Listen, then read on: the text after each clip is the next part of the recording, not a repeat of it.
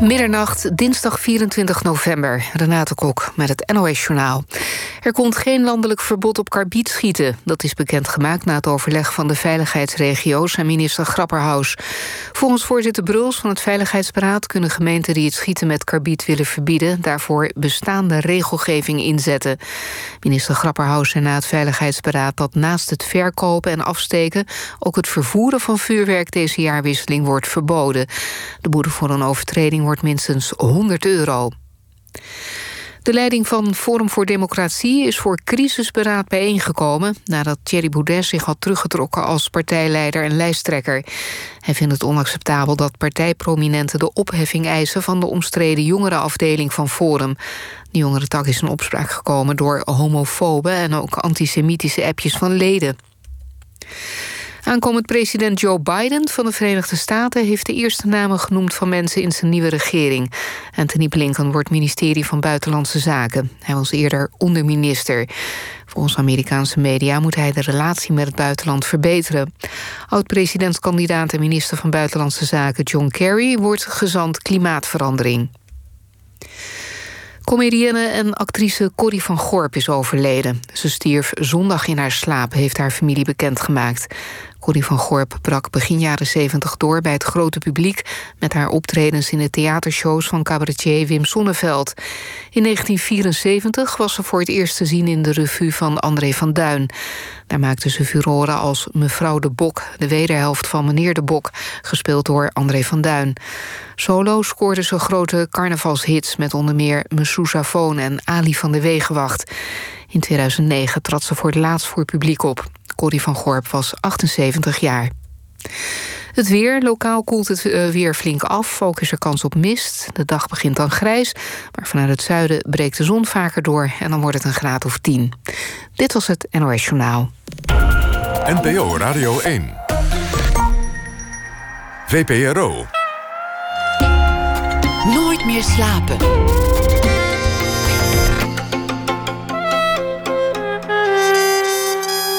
Met Pieter van der Wielen.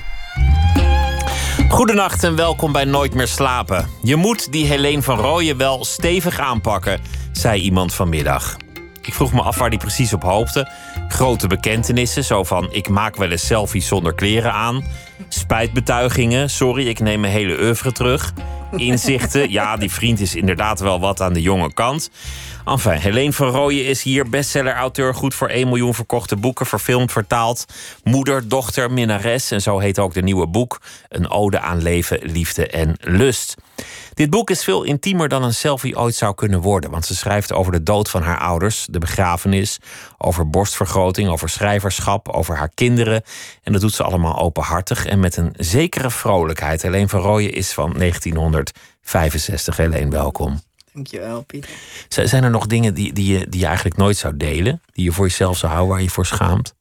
Uh, ja, maar meestal zijn dat wel dingen die over anderen gaan. En niet over mezelf, maar wel mensen dichtbij me. Die zou ik niet delen. En, je, je spaart anderen, maar niet jezelf. Nee, nou, natuurlijk zijn er vast ook wel dingen die ik niet deel. Maar mm, niet echt grote dingen. Volgens mij. Dat, niet dat ik weet, nee. Wat, wat is dit voor boek? Het, het zijn niet, niet echt columns, het zijn niet echt essays. Ja, het is een, het is een mengeling tussen ja, column, toch wel columns, korte verhalen, langere verhalen. Ehm, ja, het zijn, nou ja, ik heb het maar ingedeeld naar de rollen die je dan speelt inderdaad in het leven. Of de rollen die je toebedeeld krijgt. En um, en er zitten echt verhalen tussen waarvan ik gewoon wist, die wil ik vertellen. En dat is eigenlijk ook de hele basis van je schrijverschap. Van jeetje, wat ik heb meegemaakt, weet je wel. Ik heb een goed verhaal. Grappig genoeg heb ik dat wel heel erg gemeen met Marlies Dekkers. Marlies Dekkers heeft ook altijd, als ik haar zie, heeft zij een goed verhaal. Van, ik heb toch een goed verhaal. Alleen zij schrijft ze meestal niet op en ik dan wel. En um, ja, dat. En die moest ik kwijt, maar het waren geen romans, vond ik. Maar ik wilde ze wel vertellen. Dus dat kwam al mooi samen in dit boek, denk ik. Je, je schrijft bijvoorbeeld, en dat, is echt geen onderwerp voor een, voor een column, over over de herbegrafenis van je beide ja. ouders. Althans, de begrafenis van je moeder, moeder en, ja. en de herbegrafenis van, van je vader. Ja. En, en dat verhaal neemt een wonderlijke vorm, want het begint als een hommage aan de begrafenisondernemer. ja. Dat, dat, is, dat is bijzonder dat je dat doet, want, want je bent blij als je een goede hebt. Maar niemand is ooit blij met zijn begrafenisondernemer, omdat je gewoon wil dat hij er niet is. Ah ja, nee, ik ben wel heel blij dat hij eh, in mijn leven is gekomen. Hij heeft me al eerder geholpen, ook bij de uitvaart van mijn, mijn eerste schoonmoeder, zeg maar. Of eigenlijk ook officieel mijn tweede schoonmoeder. Maar eh, de moeder van Ton dus. Toen waren wij in Thailand en zij overleed net, toen wij echt net in Thailand waren. Dus dat was heel droevig. En eh, eh, toen moest er wel van alles geregeld worden. Dus dat heb ik toen gedaan vanuit Thailand met deze man. En Clemens Bouwens heet hij. En dat was wel echt heel erg fijn dat hij er was. Dus ik zei ook meteen van... ehm, Jij mag voortaan al jij mijn mag al mijn begrafenissen doen. En ook de mijne. En nou ja, goed, dat zal ik niet meer meemaken. En ik had toen ook niet echt uitgerekend hoe oud hij nou precies was... of hij dat überhaupt wel zou redden. Maar in principe mag je het doen. Ja, dus het is een hele fijne man. Dus toen ik bezig was met de uitvaart van moeder... toen ging ik hem er natuurlijk ook bij halen. En, ehm, nou, En toen kwam ineens het idee van, van nou, ik moet mijn moeder begraven, maar eigenlijk Ja. zou ik mijn vader in datzelfde graf willen ja. zien. Wat, wat, wat was dat voor gedachte? Nou, ik was er al, al echt een tijdje mee bezig. Ehm, in die zin, ik had het graf van mijn vader overgenomen. Want dat was een zeg maar kronengraf. Mijn vader heet Kroon. En daar lag ook zijn eh, opa, of zijn, zijn vader en moeder lagen daar. En nog een broer, Piet. Die was ergens, ik geloof 1948 of zo gestorven. Dus Piet en zijn vader en moeder, die heb ik allemaal niet gekend. Alleen mijn vader. En ehm, ik was niet naar zijn begrafenis geweest, ben nooit naar het graf geweest. En toen hij, ehm, toen, dat, toen dat graf soort van overbleef, want al zijn ooms of al zijn broers en zussen waren inmiddels ook overleden. Toen was het wel van, nou, wat gebeurt er met dat graf? En toen was er een nicht die zei tegen mij: Wil jij de rechten van dat graf overnemen? En ik was ook de enige die dat wilde, want ze heeft het ook aan andere mensen gevraagd. Maar niemand wilde die grafrechten meer hebben. Dus dan zou dat graf worden geruimd. Weet je, als niemand het meer beheert, gaat het op een gegeven moment weg. Dus dacht ik, ja, dat kan ook weer niet. Dus laat ik die grafrechten maar nemen. Dus toen had ik dat graf waar mijn vader in lag en zijn familie. Maar ehm, ik ging er nog steeds niet naartoe. Want dat, daar kon ik me gewoon niet toe zetten. Want je, je, bent daar destijds niet naartoe gegaan. Je bent daar nooit Nee, geweest. en ook nee. de begrafenis heb je overgeslagen. Ja, ik was, maar ik was dertien toen. Hè.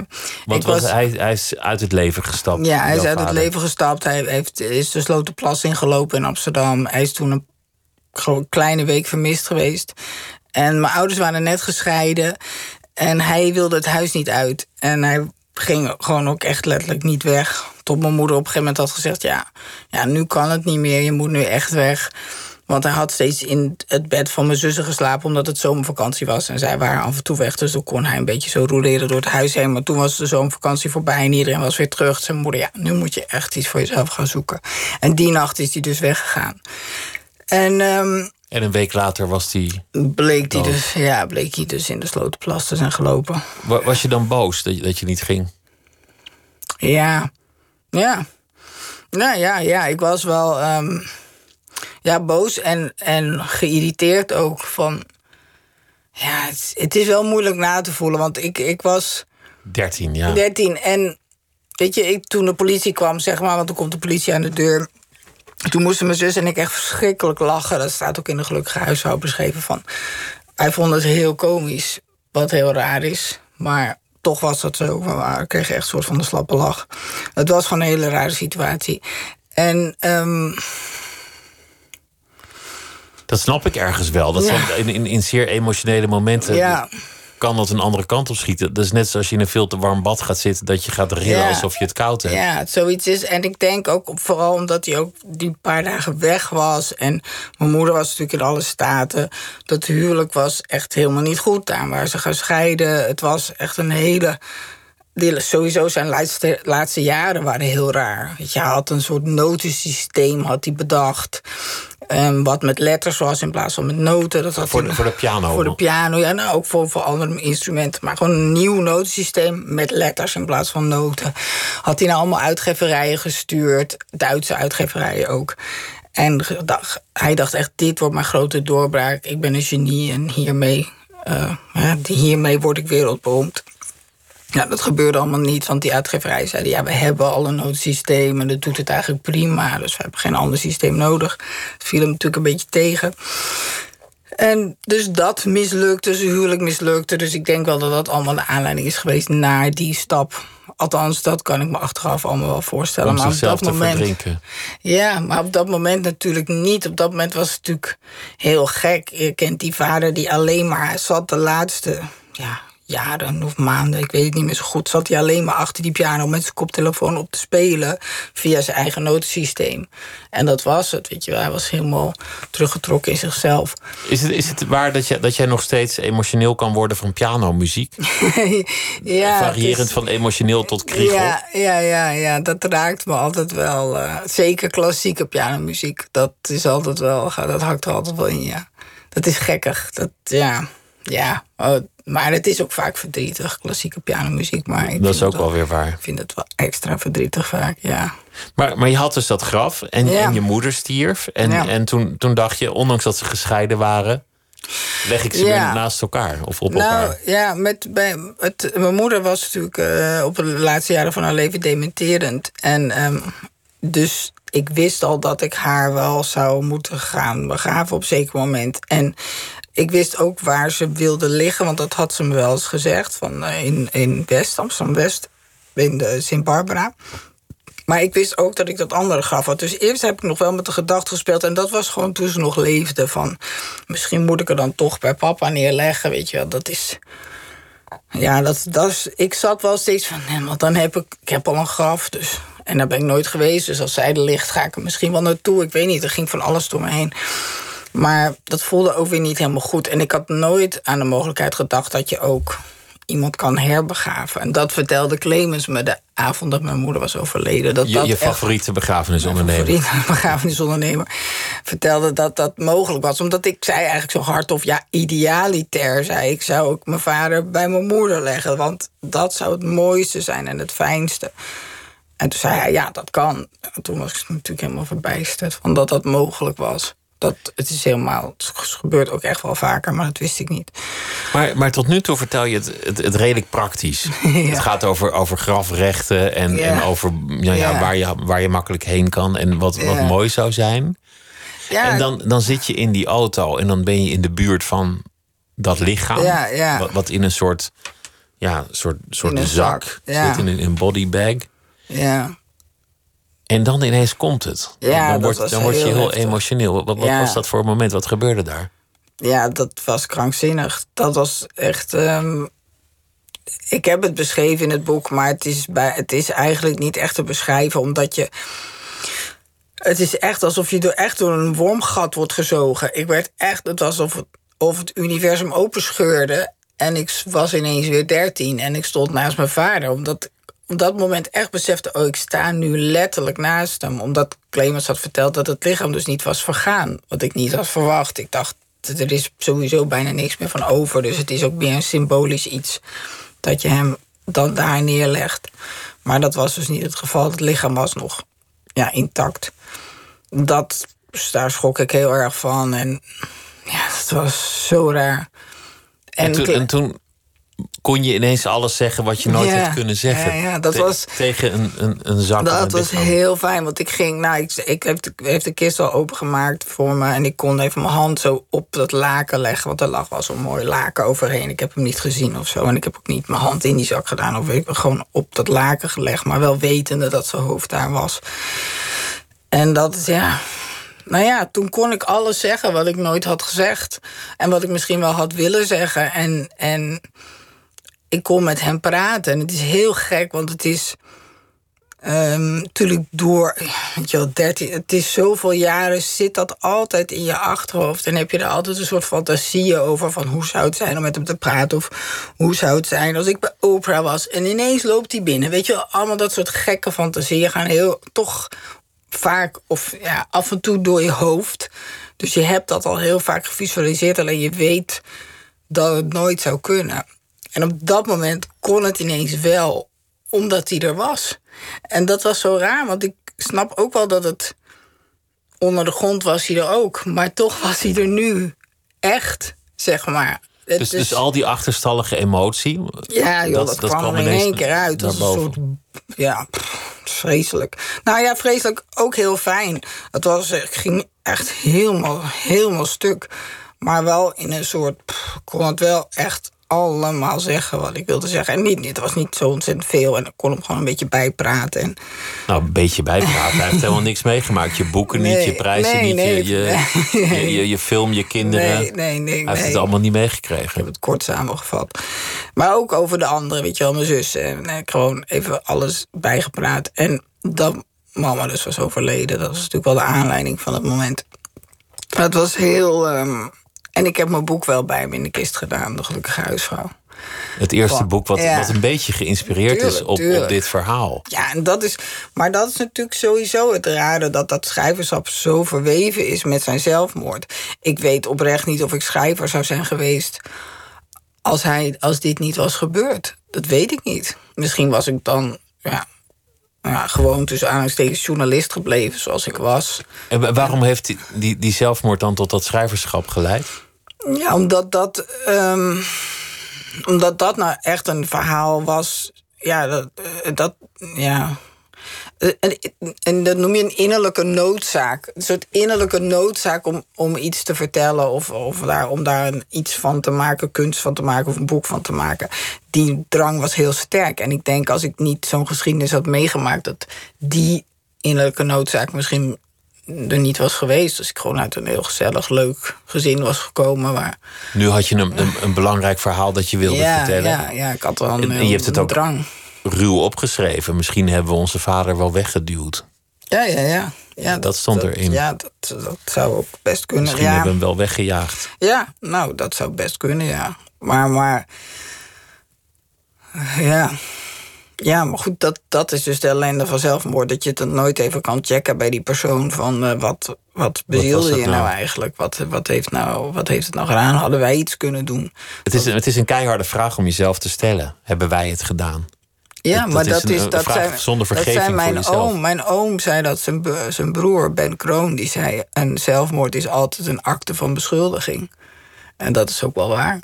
Want, Dat, dat, is, dat is ook deel van de pijn. Ja, dat is, natuurlijk is dat de pijn. En dat, ik denk dat dat het allermoeilijkste is. En daarom, ja, ja je kan niet per se tegen zelfmoord zijn. Eh, en iemand heeft ook het recht om zich het eigen leven te ontnemen. Maar ik zou toch wel iedereen die dat ooit overweegt...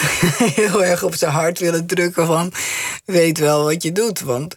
Weet wat je anderen aandoet. Ja, wat je anderen aandoet. Dat is echt, dat moet je niet onderschatten. Want die hebben, die hebben levenslang daarna. Die zitten er altijd, dat blijft altijd hangen. Maar, maar jij had, je had eigenlijk klinkt het alsof je 40 jaar voor je, voor je gevoelens hebt gerend. Ja, maar 40 jaar bent weggelopen voor die pijn. nou, dat is niet helemaal waar. Want ik ben ook echt wel in therapie geweest over. En, en ik heb er toen veel. Ik heb het. Nou, ik denk dat ik er ongeveer 20 jaar voor ben weggelopen. Dat me dat wel is gelukt. En toen kreeg ik natuurlijk op een gegeven moment mijn eerste psychose. En, ik, en toen moest ik ook echt wel in therapie met een psychiater praten. Toen kwam het ook absoluut weer boven. Of weer, toen kwam het boven. En Had dat ermee te maken, de psychose? Denk je dat? Ja, ik denk het wel.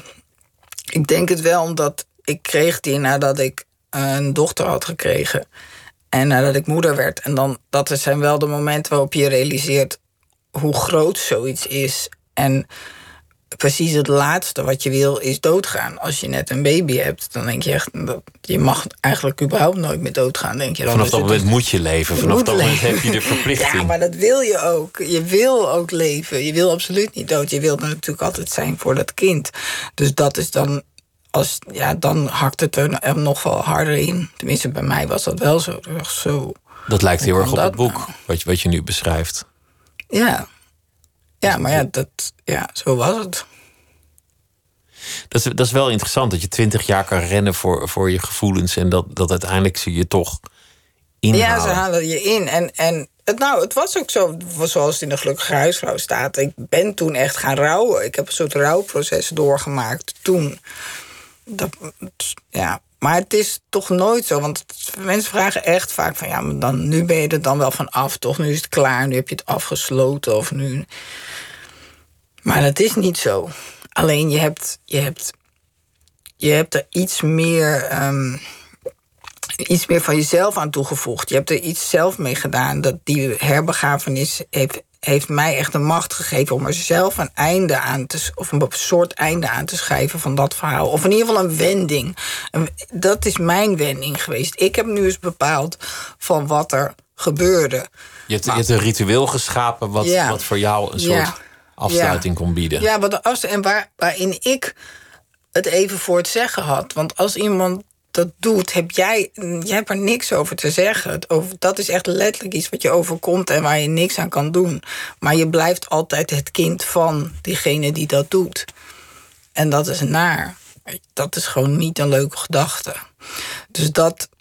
En in dit geval heb ik zelf besloten van, nou, nu is het klaar. Weet je wel, we gaan er nu daarover ophouden. En jullie gaan daar liggen in dat graf. En en, en mijn vader onder en mijn moeder boven. En nou, ik kan er naartoe. Ik heb daar nu gewoon ouders liggen. Ik heb eigenlijk mijn ouders gewoon opnieuw geschapen voor mezelf. In dat jullie gaan daar liggen. Jullie gaan daar liggen. Ik kan naar jullie toe.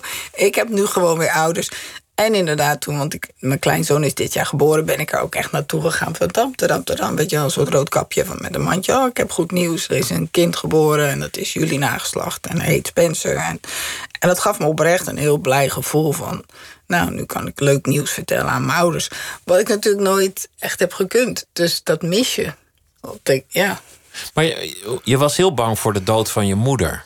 Ja, ja, ja, wijs, ja. Hoe, hoe was het toen, toen dat dan toch kwam? Ja, nou ja, heel intens. ik was wel heel blij dat ik erbij was, want daar was ik ook heel erg bang voor. Dat ik al die heel veel. Weet je wel, dat ik net dat moment zou missen, maar dat gebeurde niet. Dus dat was wel fijn. En het was heel vredig, dus dat was ook prettig en rustig. Het was niet eng, maar ja, het is wel een enorme gemis. Het is heel gek. Want jullie leefden naar het einde steeds intenser ja, ja, samen. Ja, we waren Je heel... hebt daar een film over gemaakt. Ja, ja, ja. Over, over dat, dat je haar in min of meer in huis nam, in, in, ja, in het tuinhuisje. in de tuin, ja. Dat je haar verzorgde.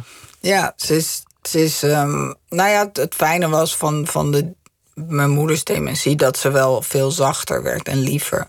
En dat ze zich ook echt wel aan me overgaf. Zo van, nou ja, ik denk, ze had wel zoiets van: neem jij nu maar alle beslissingen, want ik weet het allemaal niet meer zo goed. En dat was wel op zich heel prettig dat ze zich wel liet, liet helpen door mij. En dat maakte ons ook heel, ja, heel close samen. Dus dat was op zich eigenlijk best mooi. Het was geen hele nare tijd. Het was eigenlijk een, een rustige tijd, maar waarin je wel ziet van ja. We gaan naar het einde. We gaan naar het einde en het wordt minder en minder. Dat was wel heel duidelijk. En dat, in dat opzicht was het ook niet meer zo verdrietig, omdat het ja, dat had ook niet meer jaren moeten duren. Want ze kon niet meer communiceren. En maar je hebt haar op, opnieuw leren kennen als een ander persoon, maar dan een persoon met Alzheimer. Ja, maar wel eens veel een zachter persoon. Ze was echt liever. Ze zei zelfs op een gegeven moment, dat zal ik echt nooit vergeten, in het, in het verpleeghuis. Want zij was, mijn moeder was altijd heel negatief over mijn vader. En toen ging het erover of ze weer naar huis zou kunnen of niet. Maar toen zei ze, ja, ja, ik wil toch het liefst naar mijn huis... want dan heb je toch leuke herinneringen aan je man en je kinderen. En daar heb ik altijd zo... En ik tegen wat? Wat zeg je nu? Leuke herinneringen aan je man. Dat had ik even gemist. Dat die had ze heel lang niet, maar, maar nu, nu liggen ze toch samen. Of blijkbaar zat dat toch nog in haar hoofd... dat er ook leuke tijden waren geweest. Of, of ze heeft gewoon gedacht, dat zeg je nou eenmaal. Je hebt leuke herinneringen aan je huis. Ik weet het niet precies wat het was, maar het was voor mij echt heel gek. Van, wat zeg je nu? En, uh, maar ja, aan de andere kant, als dat voor haar in op dat moment zo was, was dat ook alleen maar prettig. Want als zij dacht, ik heb fijne herinneringen, ik heb een leuke man gehad en weet je wel, goed huwelijk, dan is beter dan dat beter dan dat en, de werkelijkheid zich herinneren. Dat was toch wel wat anders. Dus dat was op zich wel goed. Ik, ik vroeg me af, van de, stel, stel dat er een, een vaccin zou worden, is fantasie, hè? Dat er een vaccin zou worden uitgevonden tegen ouderdom, tegen veroudering. Ja. Dus, dus dat je eigenlijk gewoon heel lang zou kunnen leven, maar dan, dan gewoon altijd zo. Nou ja, een beetje 28 of zo vind ik wel een lekkere leeftijd. 28 zo, dat is wel, dat is wel heel jong. Of, of dat dan de moeite waard is, of dat die veroudering eigenlijk iets toevoegt aan het bestaan. Dat dat, dat, dat iets, moet je veroudering bestrijden, of, of heb je het toch als iets waardevols gezien? Ja, dat is wel een hele goede vraag. Um, nou, ik denk wel dat de fysieke veroudering gewoon dat dat niet altijd even prettig is. Maar ik denk dat mentaal dat je ouder wordt, dat dat wel goed is. Dat je daardoor wel meer verzoent. Ik denk als je echt altijd 28 zou voelen, dat het ook gewoon geestelijk, dat dat heel raar zou zijn. Dat je naar ineens dood wil gaan van oké, nu is het klaar, doei. Ja, dat is gek. Een soort explosie. Ja, een soort geknal. Een soort executie van boem. Maar het is wel. Door die, de, nee, ik denk dat die cyclus wel echt zin heeft. Alleen soms is die fysieke veroudering van echt dat je dus minder soepel wordt en zo stram en zo traag is natuurlijk niet altijd leuk. Maar ja, het zal ook wel zijn functie hebben. Ben je voor jezelf bang voor veroudering, voor, voor dood, voor sterfte, voor, voor eigenlijk Nou. alles wat, wat de normale richting van het leven is? Ja, nou, ik zit er niet echt op te wachten, nee. Zeker niet op doodgaan, maar... Ja, ik weet ook niet of ik... Ja, ja, volgens mij is iedereen er wel bang voor. Tuurlijk ben je er wel bang voor, alleen je, ik wil het gewoon zo min mogelijk mijn leven laten bepalen. Dus ik probeer het... Ik heb al het idee dat ik echt super sterk ben en heel gezond en... Heel lang zal leven. Heel lang zal leven, ja. Ik denk echt wel, ik ga echt wel voor de 100, wat verschrikkelijk is. Heel veel mensen zeggen, maar dat wil je helemaal niet. Maar eigenlijk wil ik het wel. Ik wil wel gewoon 100 worden. Dat lijkt me echt leuk. Maar je strijdt ook tegen, tegen de rimpels en, en de, de cosmetische Ja, veroudering. zeker, daar daar schrijf je ook over. Dat, Ja, maar dat, toch is dat niet echt strijden tegen de ouderdom. Dat is eigenlijk, ja, het is lastig uit te leggen, maar het is toch meer. ehm, want ik heb niet het idee, oh, ik zie eruit als 25 of 35 of 45. Ik weet, ik voel me echt 55. En ik vind ook dat ik eruit zie als 55, maar wel een frisse 55-jarige, tenminste. Soms. Dat, dat zeg je mooi. Het is niet proberen er jong uit te zien, maar wel goed Ja, binnen je goed binnen je leeftijd. Ja, want het is ook echt zo. Je wordt echt niet jonger. Gewoon onmogelijk. Dat word je niet. Je gaat, eh, sterker nog, je wordt alleen maar ouder. Elke keer over, als je foto's ziet van vijf jaar geleden, denk je: Oh ja, toen was ik echt. Maar ja, dan zie je, ja, ik zie het echt. En dan, maar nu denk ik, als, hoe ik er nu uitzie, ga ik over vijf jaar ook weer denken: van jee, toen was ik nog echt. eh, Maar ergens verzet je je wel tegen, tegen ja, die richting. Ja, ik probeer het, eh, maar ja, het is een hopeloze strijd, maar het is wel leuk. En zoals Gerard Joling altijd zegt, met de juiste belichting kan ik nog jaren mee. Dus daar, daar hoop ik dan ook maar op. Nee, ik vind, ja. Maar dat manipuleren of... Ja, ik vind dat ook helemaal niet gek. Als je, ik bedoel, als je, je knie versleten is, krijg je ook een nieuwe knie. Of je heup versleten is, krijg je ook een nieuwe heup. En daar doet niemand moeilijk over. Niemand zegt, ah, je, je oude heup, dat hoort er toch bij. Ja, het is de ouderdom, het hoort erbij. Je oh, je kan het fixen. Nou, dan fixen we het. Ja, dat vind ik ook. Met bepaalde rimpels of groeven. Je denkt, oh, nou, we kunnen het fixen. Dan wil ik dat doen. Maar waar ik, je moet er altijd bij zeggen, ik vind niet dat iedereen het moet doen. Iedereen moet het helemaal zelf weten. Ja, het is iets wat ik leuk vind en het is mijn lichaam. Ik heb er lol in. Dus ja, ik zie echt niet het bezwaar daarvan. Nee, je, je Of schrijft- dat ik me daarvoor moet verantwoorden of zo. Het is, en ook niet, het is ook niet een, Het is jouw lichaam het gewoon, uiteindelijk. ja, mijn lichaam, als ik mijn hele gezicht laat vol tatoeëren, dan mag ik dat ook doen. Weet je wel. Ja, dat zullen veel mensen niet mooi vinden. Maar ja, als ik dat mooi zou vinden, moet ik het doen. Is, is seks ook een, een, een strijd tegen de veroudering? Een, moment, een moment van jeugdigheid ervaren? Ehm, nou, niet veroudering. Ik denk meer levendigheid. Een strijd tegen de dood. De ultieme Ja, strijd ja, tegen... tegen, eh, tegen, tegen, tegen futloosheid of zo, denk ik dat het is. Het, geeft wel, het heeft wel echt met energie te maken. Als je dat niet meer kan opbrengen, dan ben je ook best wel oud, denk ik. Als je daar al geen, geen puff meer voor hebt. Als je denkt, ik, ik lees liever de krant, ik heb Ja. geen zin... dan, dan ben je of Ja, met de verkeerde nou of ja, je... nou ja, of dat dan misschien, misschien gebeurt dat ook wel op een gegeven moment. Dat, dat ik ook zover ben. Dat ik denk, nou laat maar zitten. Weet je wel, dat kan ook heel goed. Maar dan ben je dus wel echt alweer hopelijk een stuk ouder. En dat dan het minder uitmaakt. Maar dat is misschien die geleidelijkheid. Waardoor je ook ac- accepteert dat je op een gegeven moment doodgaat. Dat je denkt, nou ja, doe nog maar zo weinig. Het maakt nu ook niet meer uit. Je schrijft vaak over seks. Je, je, hebt, je hebt onlangs een, een seksdagboek geschreven. In, in, in deze bundel zitten ook weer een aantal verhalen... Niet die zoveel, niet zoveel, toch? Ik heb Nou, geprobeerd ja. me in te houden.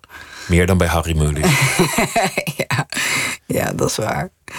Waar- Ja, Waarom maar- schrijf je daar graag over?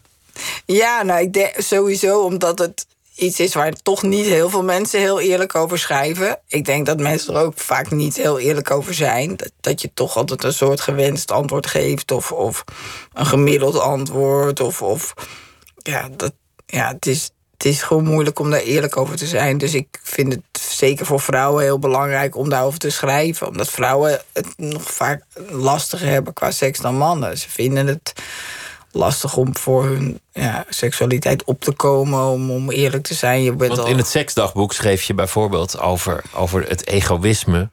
Dat, Ja. dat je vriend in het begin ja, nog ja, had. ja, ja, zeker. Dat hij dacht, nou, ik ben er, was leuk. Ja, het is klaar, het was leuk. Ja, ja, ja, maar ook lag ook aan mezelf. Hè. Ik was natuurlijk ook meer van, zo van, nou ja, hij vond het superleuk.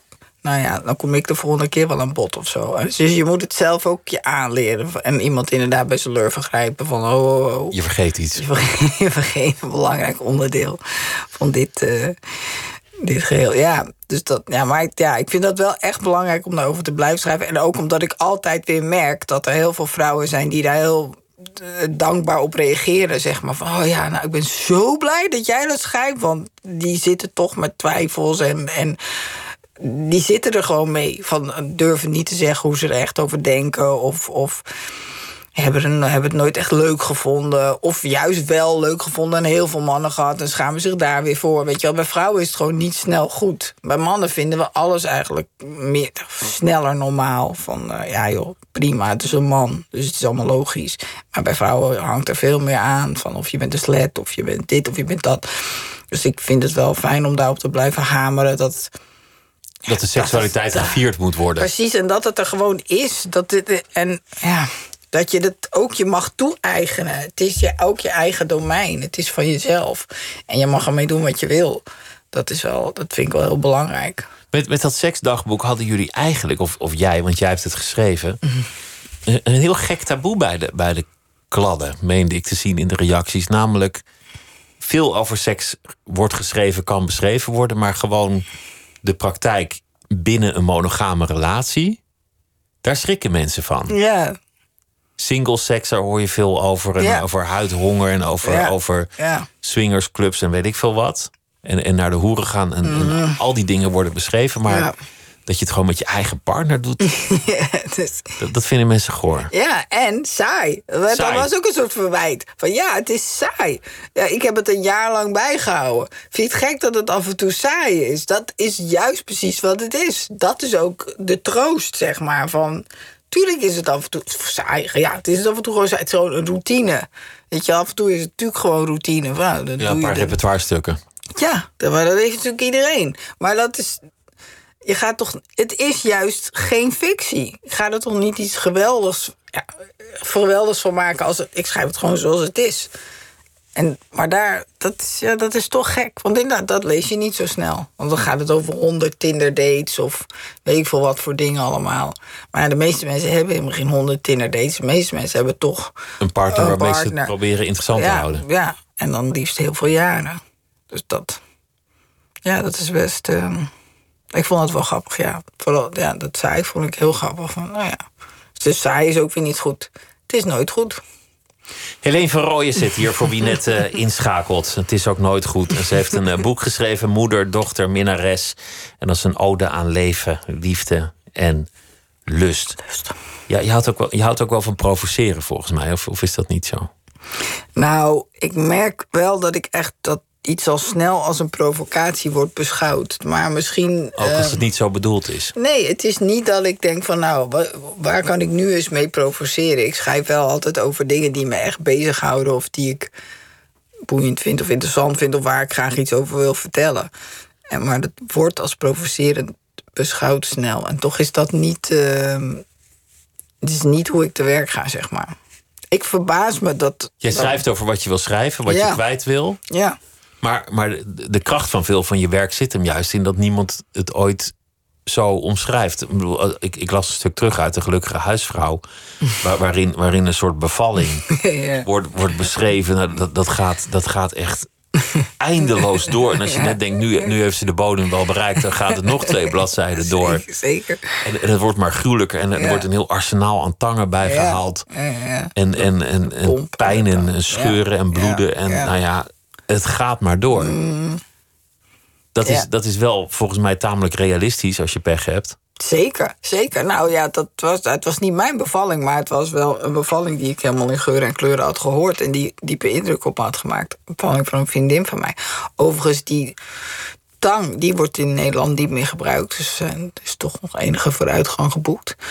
Wel ik ook een hoogleraar. Maar in Nederland is het dogma toch nog altijd puur natuur. Ja, Geen ja. verdoving, niet naar het ook, ziekenhuis. Daar ga ik nog een boek over schrijven samen Liefst met in mijn een dochter. stal met een os en een liefst- nou, liefst met kaarsjes en wierook en eh, Oh ja. etherische oliën. Maar nee, daar ga ik sowieso een boek nog over schrijven met mijn dochter... over echt de bevalcultuur in Nederland. Want dat blijft toch fascinerend hoe we daarmee omgaan.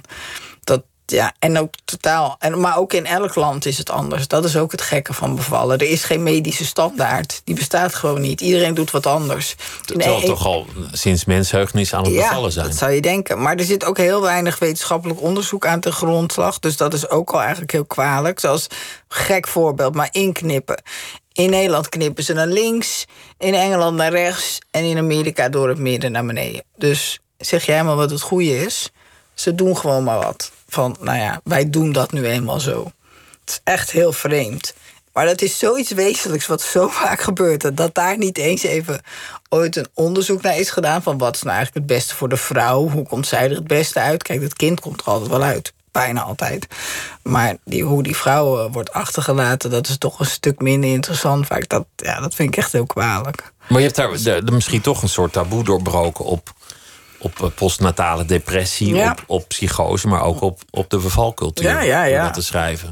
Ja, de, het is ook gelukkig wel wat vooruit gegaan. Echt wel. En verdoving is veel meer in zwang gekomen. Dat je echt, want dat is ook echt de standaard geworden. Maar de- althans de standaard, daar mag je echt voor kiezen. Dus ze mogen het je niet weigeren. Vroeger moest je echt hemel en aarde bewegen om een ruggenprik te krijgen. Nu mag je, mag je hem echt eisen, zeg maar. Van Want, want vroeger was het argument dat het ook de band tussen moeder en kind in de weg zou staan als je Nou, met er verdoving. Eén iemand die dat beweerde, dat was Beatrice Smulders. En volgens mij beweert ze het nog steeds. Van eh, pijn is fijn en het verstevigt de band met je kind. Maar ook daar is nooit enige bewijs voor gevonden. Integendeel. wonderlijke in- redenering. Jou vind ik niet lief, want toen had ik een verdoving. Ja, maar ook... Het is ook een krankzinnig. Je hoort al hoe krankzinnig het is als je het uitspreekt eigenlijk. Je hebt heel veel pijn en dat versterkt de band met degene die die pijn veroorzaakt. Nou, dan kun je ook mishandelde vrouwen zeggen van... oh, daarom hou je zoveel van die man, omdat hij altijd in elkaar slaat. Het is, het is onzin. Maar wij, het is, dat is toch iets wat zich hier heeft vastgezet in de Nederlandse cultuur. Het is echt verschrikkelijk. Het is echt verschrikkelijk eigenlijk. En vrouwen voelen zich weer schuldig als ze wel verdoving nemen... en ze hebben dan geen pijn gehad, want dan hebben ze het niet echt meegemaakt. Dat je echt denkt, wat... Maar, en het is allemaal cultuur. We maken onszelf dat wijs. Is En, en het zijn er is- anderen die over de vrouw, over het vrouwenlichaam Ja, beslissen, ja, wederom. Dat ook nog, ja. Dus Maar, je- maar je houdt dus niet echt van de provocatie. Toch, toch beslecht je grenzen en, en taboes. Blijkt uit, Ja. de, uit de reacties die je soms krijgt. Maar, maar zit er dan onder dat je eigenlijk door iedereen omarmd en geliefd wil worden?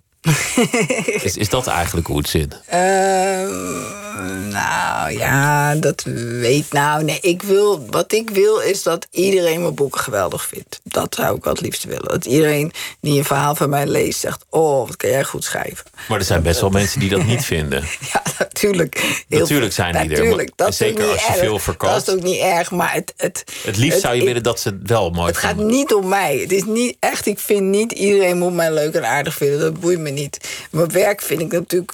eh, Wil ik heel graag natuurlijk horen dat mensen dat leuk, mooi vinden. Maar ik weet natuurlijk is dat niet zo. Dat geeft ook niet. Maar als je vraagt wat is je drijfveer van, ja, dan hoop je dat je echt iets schrijft wat heel veel mensen leuk vinden of mooi vinden of graag willen lezen. Stel je voor dat niemand me meer zou willen lezen. Maar je, je wordt wel gelezen en je lezers vinden het ook allemaal mooi. En je, je, Ja, ja, ja. je, je weet ook voor wie je schrijft. Maar je, weet ook, je weet ook volgens mij inmiddels voor wie je niet schrijft. Want, want sommige Ja, maar dan ben ik. recensenten, die, je, Ja, je maar haalt heel grappig Harry Mulisch, hij is er niet meer aan. Ja. Die een soort wegwerpgebaar maakt bij het horen van jouw naam. Ja. Ja, dat was wel, was wel komisch. Ja, nee, die vond echt, nou, nou, die vond mij gewoon geen collega, zeg maar. Dat Je werd niet toegelaten tot het gilde nee, der schrijvers. Nee, nee, nee, nee, nee. En dat kon hij echt gewoon zien zonder me te lezen. Dus dat was ook behoorlijk knap. Dat is best. eh, Zo groot was die. Zo, ja, de, alzien, de alziende. Ja, nee, maar dat is natuurlijk een beetje onzin. Maar ja, maar dat ik schrijf. Nee, het is niet dat ik heel graag wil dat Harry Mulisch, als hij nog zou leven, mijn werk goed zou vinden. Mijn lezers, weet je wel, mensen die van lezen houden, die wil je natuurlijk. Ja, daar, ja, dat vind ik wel leuk als, die het echt, als iemand tegen me zegt: Ik heb het gelezen en ik vond het hartstikke leuk. Ja, dan ben ik blij. Maar dat is denk ik ook heel kinderlijk. Als je een tekening maakt, ren je ook naar je moeder van: Oh, kijk eens wat ik heb gemaakt. Maar word je nog geraakt door, door iemand die iets naars erover zegt? Van, van Eh, kritiek? nou, wel of nee. Dat, nou, ja. Niet, niet heel erg, maar het is nooit leuk. Maar ik weet, wat het stom is ook, je kan honderd positieve reacties krijgen en één negatieve, die blijft altijd meer hangen. Dat is, maar ik heb zelf nu daar een theorie over ontwikkeld, of misschien heb ik het ergens op gelezen, dat kan ook dat ik het gewoon heb gejat. Negatieve ervaringen moet je gewoon beter onthouden dan positieve, omdat ze een potentieel gevaar kunnen betekenen. De ontmoeting met Ja, de beer krijg je precies. geen kans om nog een keer over te doen. Dus die moet je goed onthouden. Die moet je goed onthouden dat het beest grote klauwen heeft en al die dingen. Dus als het een gezellige lieve beer is waarmee je hebt geknuffeld, ja, dan maakt het niet zo heel veel uit. Dus dat, ik denk dat dat gewoon inherent is aan mens zijn. Dat negatieve dingen, dat die, dat die beter worden opgeslagen in je geheugen en meer pijn doen. Maar, maar ik kan er wel. Nee, ik kan er niet, niet, nee, niet echt wakker van liggen of heel. Nee, het zou ook echt saai zijn, denk ik, als je alleen maar wordt toegejuicht. Dat zou ook een beetje vreemd zijn. Het was wel een beetje toen met de film van mijn moeder. Toen kreeg ik echt heel veel positieve reacties. Toen zat ik ook af en toe, waar gaat dit over? Ja, toen kon ik het ook niet meer echt helemaal. Had ik ook echt zin in seksdagboek. Van nou, hupsakee, dan gaan we die schrijven. Dan gooi je weer een steen in de vijf, anders wordt het allemaal zo Nou zijig. ja, dan hebt het weer, hebt het weer weg. Of zo. Ja, ik weet het niet. Dat, dat, ik vond dat. Ja, dat is ook een beetje raar. En je weet dat dat ook niet klopt. Je, het is allemaal niet waar. Dat weet je eigenlijk. Het is allemaal niet waar. De mensen die zeggen, oh, je bent geweldig, die zeggen, dat klopt niet. En mensen die zeggen, je bent vreselijk, klopt ook niet. Want ze kennen je niet. Over je werk kunnen ze het zeggen van het is mijn smaak niet. Of het is mijn smaak wel. Dat kan ook. Maar het is allemaal zo subjectief. Dat het een dat is eigenlijk het belangrijkste. Dat je, en dat moet ik mezelf ook altijd voorhouden, dat je blijft maken wat je zelf wil maken. Het moet uit mij komen. Ik ben, wil nooit denken van, oh, hier zitten mijn lezers op te wachten. Dat ga ik nu schrijven. Dat, dat, Er moet wel urgentie er achter moet zitten. urgentie voor voor, je. mij achter zitten om het verhaal te schrijven. En anders werkt het gewoon niet. Want dan, dan, dan ga je een soort, proberen een soort trucje te doen. Maar dat, Zou niet werken. Nee, ik kan dat niet. Ik kan dat oprecht. En daar heb ik niet, ook niet echt, niet echt geen zin in. Ik wil echt doen wat ik zelf wil. Dat is echt het leukste van mijn vak. Sinds ik echt schrijver dan ben. Twint- sinds twintig jaar. Dat ik echt mag doen wat ik wil. De vrijheid ervan. Ja, die vrijheid is geweldig. Ik zit intussen nog aan die, aan die beer te denken, wa- wat je net zegt. Want dat is natuurlijk ook de reden waarom, waarom dingen van vroeger traumatisch kunnen worden. Tuurlijk, tuurlijk. Waarom het niet echt lukt om voor dingen weg te lopen, ook al zou je het willen en proberen. Ja. Het zal je in, inhalen, Ja. want je natuur is ingegeven dat je, dat je slechte ervaringen goed opslaat. Ja, ja, ja, maar ik denk ook echt, daarom zijn, bestaat er zoiets als jeugdtrauma's. Ja, dat kan ook niet anders. En het is moeilijk om daarvan los te komen. Omdat het toch altijd, dat, dat, en zeker als je jong bent, ga, ja, zoals mij net als wel honden, die moet je toch ook goed socialiseren en goed inprenten. Als een kind helemaal verkeerd ingeprent wordt, dat is natuurlijk niet zo gunstig. Ben, ben je beter geworden in emoties aangaan op het moment dat ze spelen? Of ben je, ben je nog steeds iemand die kan vluchten? Ehm, nou, ik ben wel emotioneler geworden, wat ik niet echt altijd fijn vind. Ik schiet echt vaker vol en zo. Ik heb veel meer moeite met. Of moeite. Ik word meer overvallen door emoties, maar ik durf het wel wat meer te laten zien. Maar het is echt niet. Ik heb er echt een hekel aan. Aan Ik- emoties? ja, ja, opre- ja, ik vind ook heel het- snel dingen sentimenteel. Je wil of- sterk zijn, ja, groot en flink. ja, ja, echt absoluut liever wel. En grappig, weet je wel. Grappen zijn ook altijd goed. Dus dat, ja, nee, dat heb ik toch nog wel heel sterk. En soms, en ik schaam me ook altijd als ik zo'n beetje vol schiet of bijna moet huilen. Dat vind ik echt heel vervelend. En terwijl bij anderen heb ik dat niet. Niet zozeer als iemand echt moet huilen om iets. Vind ik Maar je moeder was vroeger ook zo, zei je. ja, die was, Was vroeger ook een, een, een, een harde. ja, die was het. Ik lijk natuurlijk wel op haar. Dat kan niet anders. Zeker, maar ja, het, ja, het is gekkig. Toen nou mijn dochter is dus was in verwachting, is bevallen. Jeetje, ik heb echt wat afgehuild. En het was echt raar. Want ik toen ze het vertelde, ik heb een kwartier gehuild. Nou, ik denk dat het het langste is dat ik ooit gehuild heb in mijn leven. Ik werd helemaal... eh, was wel van vreugde, maar toch was ik de hele tijd aan het huilen. En dan zei ze wat en dan ging ik weer huilen. En dan dacht ik weer aan die baby, dan ging ik weer huilen. Het is toch juist mooi om lekker direct bij je emoties te kunnen? Ja, dat, je wel ze niet hoeft te parkeren. maar... Ja, ze zijn zo overweldigend. Het is altijd zoveel en het drukt alles weg. En het, het- ik, ik ben er niet heel... ehm, Zijn ze bij jou meer er overweldigend dan bij anderen? Dat weet ik niet, maar zo voelt het. Ik weet natuurlijk niet hoe het voor anderen voelt. Maar het voelt wel zo. Van, van pff, Want je, want je gaat een pilletje slikken, dat beschrijf je in het boek. Gewoon ja, in in een veilige setting ja. lik je Donald Trump, want dat was een ecstasy-pil. Ondanks alle maatschappelijke bezwaren. Voor, voor mensen die, die dat terecht eh, zullen denken van ja, dat is niet heel erg Max Nee. Havelaar om drugs te gebruiken. Zeker niet goed. Nee, zeker Maar niet goed, goed. Helaas zijn ze niet Desalniettemin bestaat die eh, behoefte en de, de Max Havelaar-pil is nog steeds niet op de markt, dus, dus dan doen we het zo. Ja. Maar daar zat er ook angst achter. Van, van ja, het is niet altijd stabiel geweest. Dus, dus Nee. misschien kan het wel ineens een, een, een soort. Psychose provoceren. Ja, ja, ja, ja, ja. Dat was wel mijn grootste angst. En gelukkig deed ik het wel met Bart in een veilige omgeving op zaterdagochtend met een flesje waters naast ons bed en zo. Maar, da- maar dat, ehm, ja, dat was. Maar toch, ja, ik wilde het wel voelen.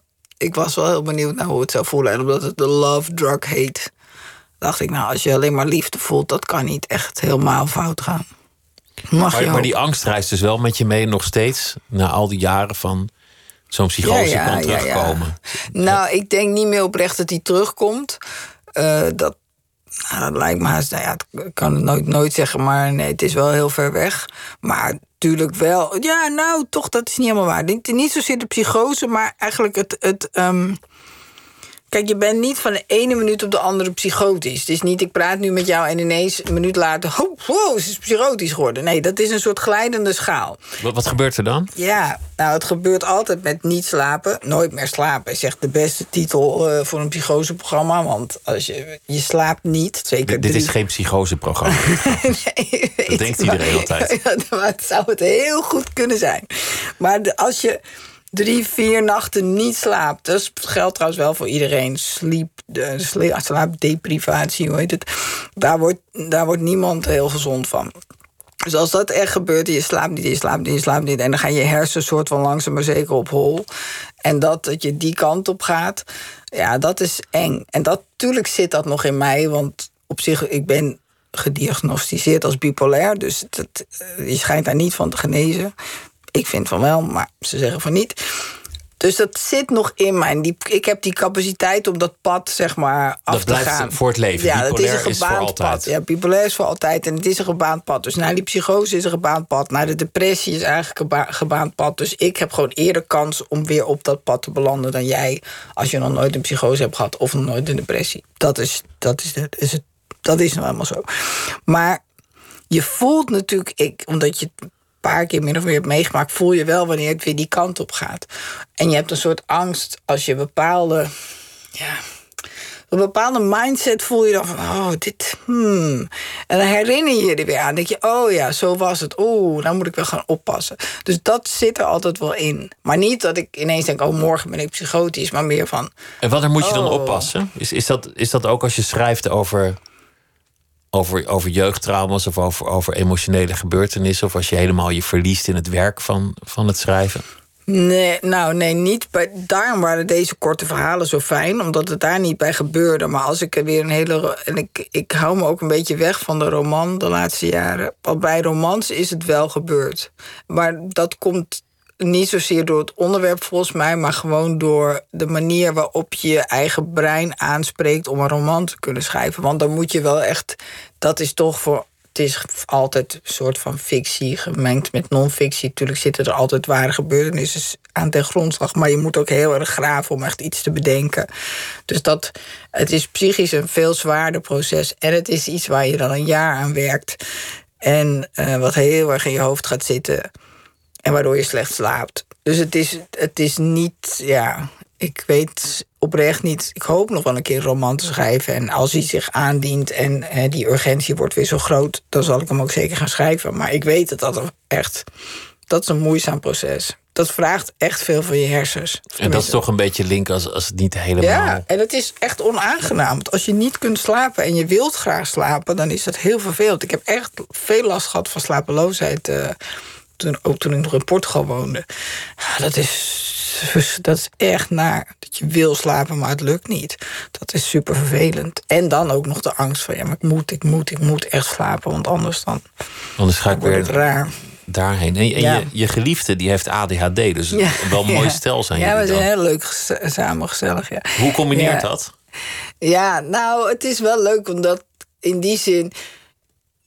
Je zit wel, allebei heb je iets of zo. Dat is dan wel weer gezellig. Van uh, ja, ja, ja, ik populair. En, en hij heeft ook hij heeft medicatie, dat heb ik trouwens niet. Want op zich ben ik nu zo stabiel dat het niet hoeft. Maar hij heeft wel uh, Ritalin.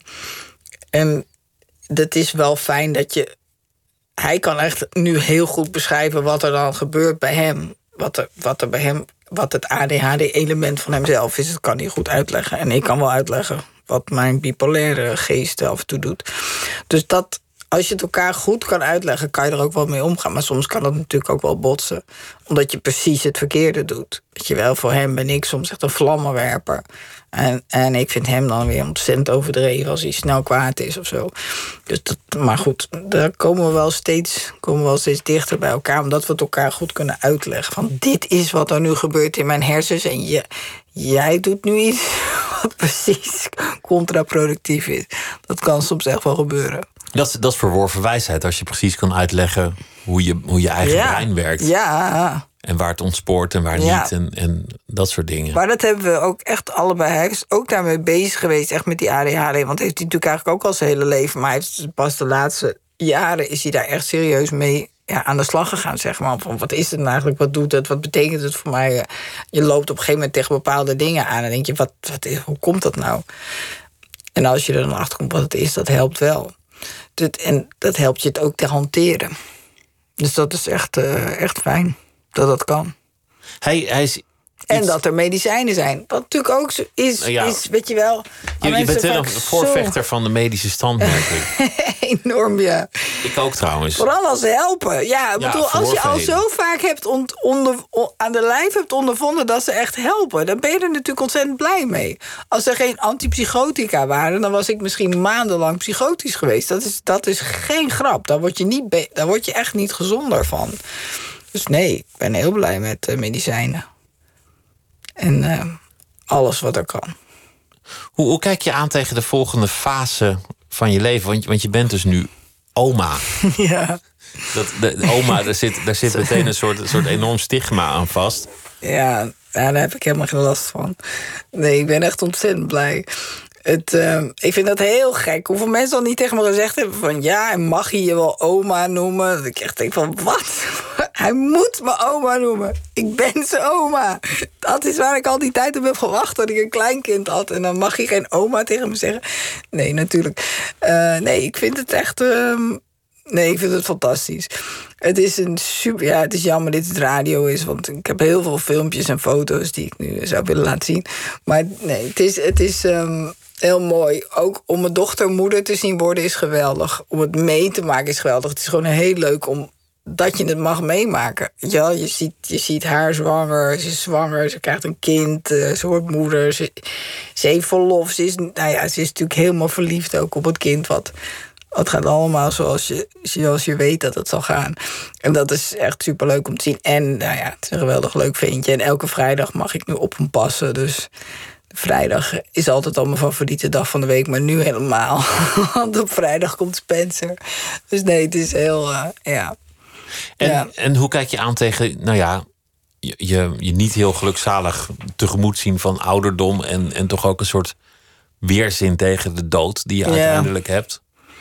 Ja, nou ja, kijk, het is nog niet zo ver. Ik ben toch. Nog, nog langer niet. Je kan zeggen, ik ben al 55, maar je kan ook zeggen, ik ben pas 55. Dus nee, ik zie het nog wel heel zonnig in. Ik heb nog wel... zeggen, bijna op de helft. ja, precies. Bijna. Het is zo rond, rond de helft. En nee, en ik hoop natuurlijk op nog meer kleinkinderen. En, en uh, ja, gewoon. Ik, ik ben wel heel erg van het leven aan het genieten op het moment. Omdat het zo dit moment alles. Nou ja, dat maakt me ook altijd weer bang. Want als het zo goed gaat, dan denk je altijd, ja, wanneer gaat het weer fout? Dat is, een dat is niet vanzelfsprekend voor jou. Nee, nooit. Nee, totaal niet. Nee, dus dat, dat is natuurlijk. God, dat, ik ben helemaal. Ik ben, was vroeger rooms-katholiek gedoopt, maar ik heb het afgezworen, dat geloof maar als ik dan echt iets wil, dan heb ik toch altijd de neiging om te gaan bidden van nou. Of deeltjes sluiten met God, dat wil ik ook graag. Van oké, als, nou, als er nou niemand verder van mijn kinderen of kleinkinderen doodgaat, dan kan ik prima leven tot, uh, of kan ik alles verder aan. Ja, die wil wel, ik zou dat wel heel graag dat soort garanties willen hebben van. En je eigen dit ga je niet meer meemaken. Denk je daar wel eens over na? Van hoe, hoe het zou zijn als je eruit piept? Ja. Als het zover is?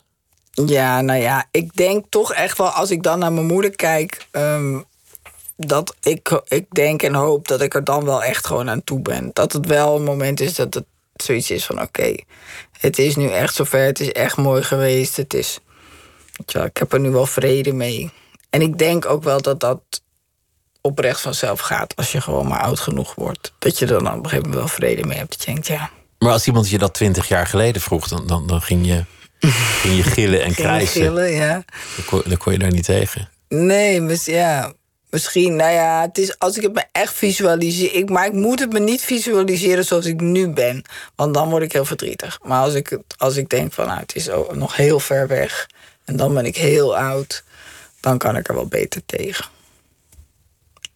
En dan, wat, wat zou je dan voor je zien van, van hoe je leven is geweest? En, en ja, nou ja, ik hoop, nog wel, ja, ik hoop nog wel heel veel mee te maken. Nou, dat is ook, ja, ik denk dat dat ook een beetje de tijd is van dit jaar met uh, corona. Ik mis wel een beetje het avontuur, zeg maar. Gewoon erop uitgaan. En nou, er staat dan een heel verhaal in het boek over Faddy, eh, de vriend van George Michael, wat een vriend van mij is, waar ik een heel avontuur mee heb beleefd. En dat, dat mis ik wel een beetje nu. Je bent allemaal nog wel min of meer aan huis gekluisterd. En geen ongebaande paden meer, geen verrassingen. Nee, je bent, maar dat is gewoon nu dit jaar is het wel echt een beetje saai natuurlijk. Dus ik hoop wel echt nog heel veel uh, dat dit, als dit voorbij is, wel weer leuke avonturen te gaan beleven. Gewoon te gaan ondernemen. Ik vind ja. saai, saai ook niet echt bij je passen op een of andere manier. Nee, maar ik kan heel goed heel saai zijn. En ik hou heel, wel heel erg van overzicht en rust en een soort regel. Maar, maar ja, er moet ook af en toe echt actie. Dan moet je gewoon maar even... Uit de band springen, ja, iets experiment doen, of iets, ja, een experiment of iets ondernemen. Gewoon iets proberen, iets, ja, of iets maken. Helpt ook altijd heel erg. Als je iets gaat maken, is altijd heel erg leuk. Dus dat, ja, dat houdt je wel aan de gang. Je, je, had, je zit me zo lachend aan te nou, kijken. Zo. Omdat we het eigenlijk best wel veel over dood hebben gehad. Maar, maar ik kom er net achter dat, dat jij volgens mij meer dan de meesten nog van het leven houdt. Ja, ja, ik hou heel nou, ontzettend. Ja, echt heel erg. Ja, terwijl ik ook echt heel depressief ben geweest, dat is ook raar. Want dat is altijd, als je uit zo'n periode bent, kan je, me niet, kan je gewoon niet meer voorstellen dat je er ooit in hebt gezeten. Maar ik heb echt hele sombere periodes gehad. En dat was zo eng, omdat je je dan ook inderdaad echt niet kon verheugen. Dat is volgens mij de kern van depressie. Dat je vastzit in een soort hele donkere kamer en je je kunt de, de deur naar buiten maar niet vinden. En je kunt je ook niet verheugen erop. Je kunt, zoals ik me nu al verheug op vrijdag, zeg maar, want vrijdag om Spencer. Dat heb je dan niet. En heb je niks, zie je de, de, je ziet de lol niet van de dingen waar je normaal heel veel plezier uit haalt. En, en, en je kunt het niet opwekken. Dat is echt lastig. Dat, en ik ben heel blij dat ik dat nu helemaal niet voel en al heel lang niet. Want dat is behoorlijk uh, vernuikend als je dat, als dat echt in je hoofd zit. Spencer is het, is het kleinkind. Spencer is het kleinkind. Vrijdag. Vrijdag. Dankjewel dat je, dat je te gast wilde zijn. En het, uh, het boek heet Moeder, Dochter, Minnares. Ja. En, en grootmoeder dus ook nog. En het is een uh, ode aan leven, liefde en lust. Helene van Rooyen, dankjewel. Het was leuk dat je, dat je te gast wilde zijn. Ik vond het heel leuk om te doen. En zometeen eh, kunt u luisteren naar uh, Miss Podcast op deze zender. Morgen komt uh, Henk Schiefmacher uh, over de vloer. Nederlands bekendste tatoeëur. En u kunt Nooit meer slapen ook beluisteren als podcast... via de podcast-app of de site van de VPRO. vpro.nl slash Nooit meer slapen. Goeienacht en graag weer tot morgen.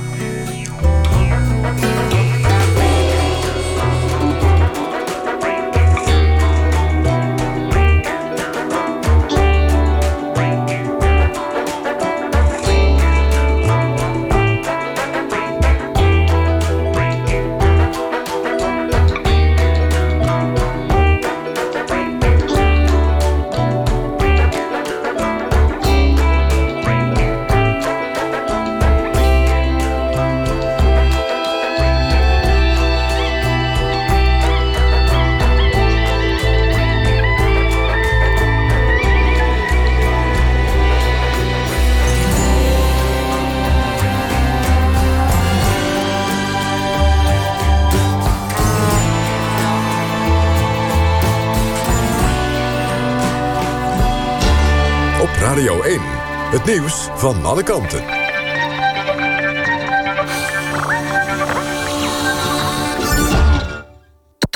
NPO Radio 1.